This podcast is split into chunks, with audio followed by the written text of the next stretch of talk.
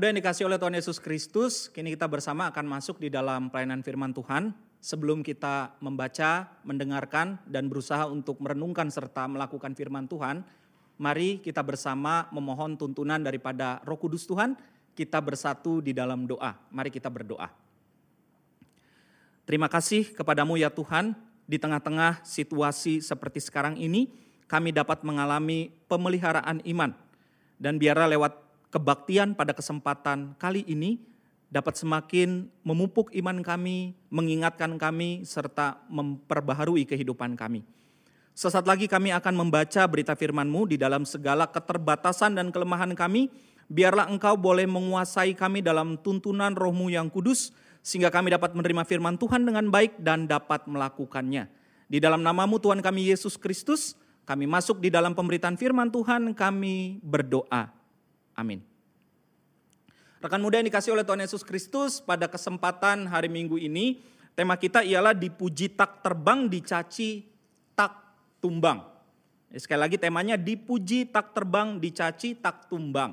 Bagian bacaan Alkitab sesuai dengan tema ini eh, diambil dari Filipi pasalnya yang kedua, ayat kelima sampai dengan ayatnya yang ke-11. Mari kita mempersiapkan bagian bacaan Alkitab kita sekali lagi dari Filipi pasalnya yang kedua ayat 5 sampai dengan ayatnya yang ke-11. Nah rekan-rekan saya akan bacakan bagian firman Tuhan yang menjadi dasar di dalam pemberitaan firman Tuhan kita pada kesempatan kali ini. Demikian.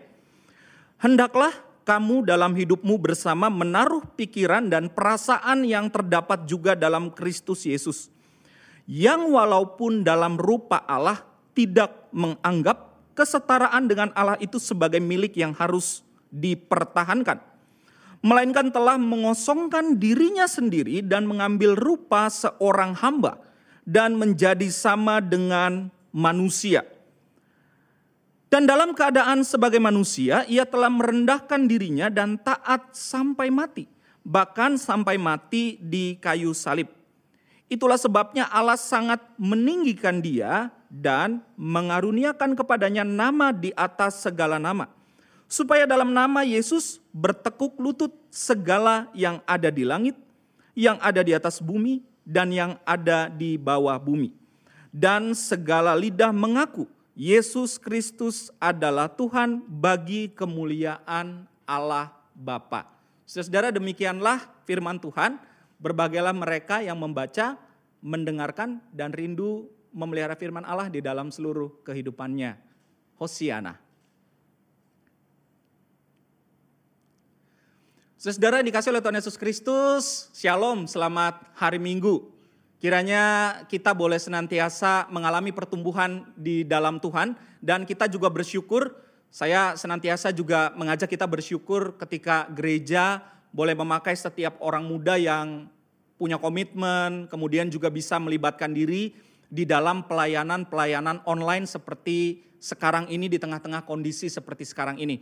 Dan biarlah Tuhan boleh senantiasa memakai setiap mereka yang berkomitmen ini dan juga boleh memakai saudara-saudara ya untuk juga punya kerinduan bisa terlibat di dalam eh, pelayanan di Komisi Pemuda GKI Cawang ini. Nah saudara-saudara sekali lagi tema kita dipuji tak terbang, dicaci tak tumbang. Bagaimanapun rekan muda, setiap kita itu pasti senang mendapatkan yang disebut sebagai apresiasi.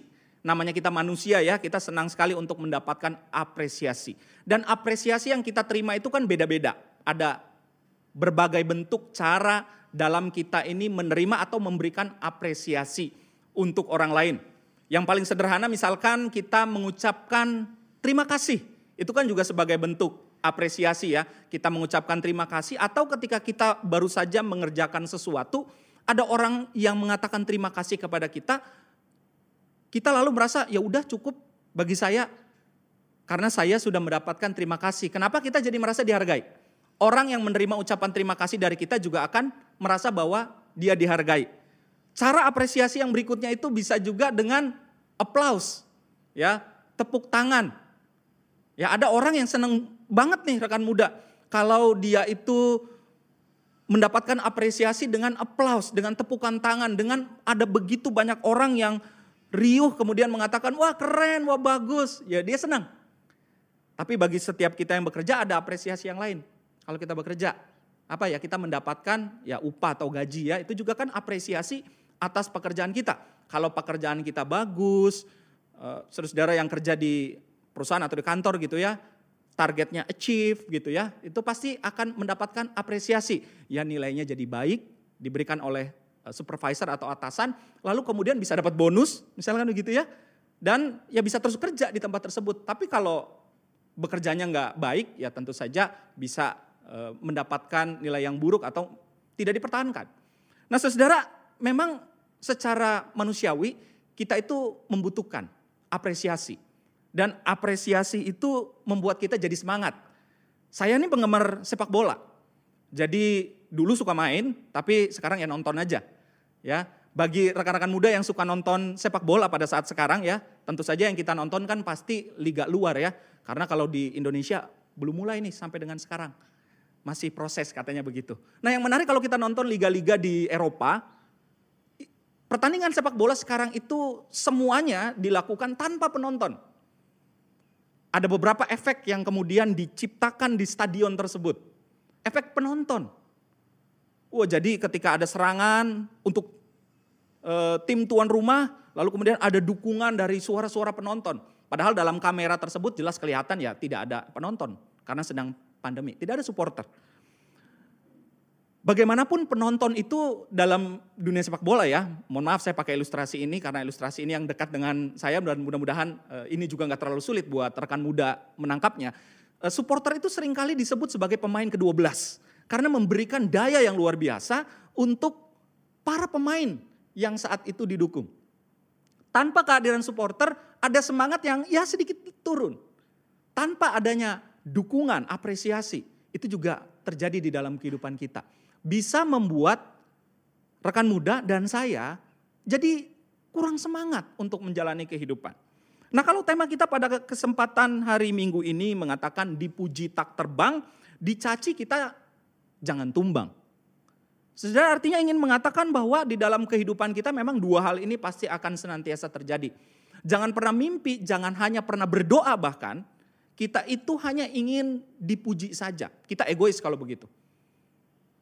Tetapi dalam kehidupan kita di dunia ini ya, life is like roller coaster katanya ya kita akan naik turun, akan mengalami berbagai hal, akan dipuji, akan dicaci, akan kemudian dihargai orang, bisa kemudian di sisi lain waktu kita akan disepelekan orang. Bisa kemudian kita lagi dalam keadaan yang baik tapi di sisi lain waktu juga bisa dalam keadaan yang tidak baik.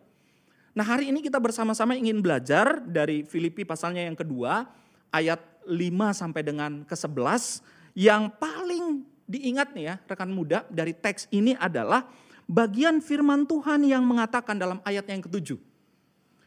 Melainkan telah mengosongkan dirinya sendiri dan mengambil rupa seorang hamba dan menjadi sama seperti manusia.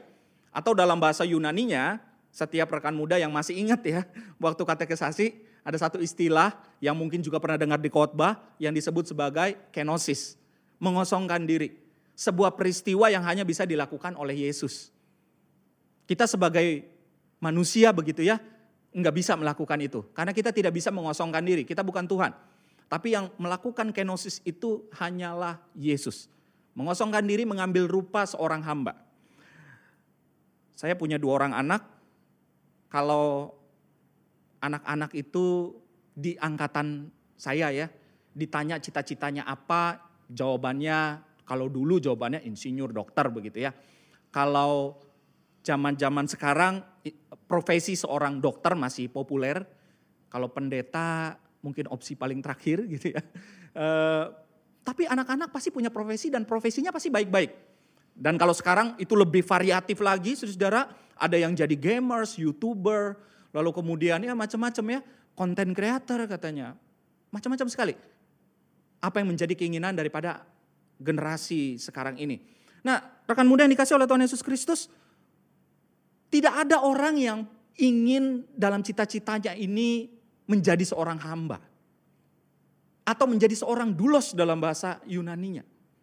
Menjadi seorang hamba itu adalah sebuah hal yang kalau bisa tidak dialami. Kalau bisa ya saya jangan dong bekerja ini kerja kuda tapi gaji nggak kuda gitu ya.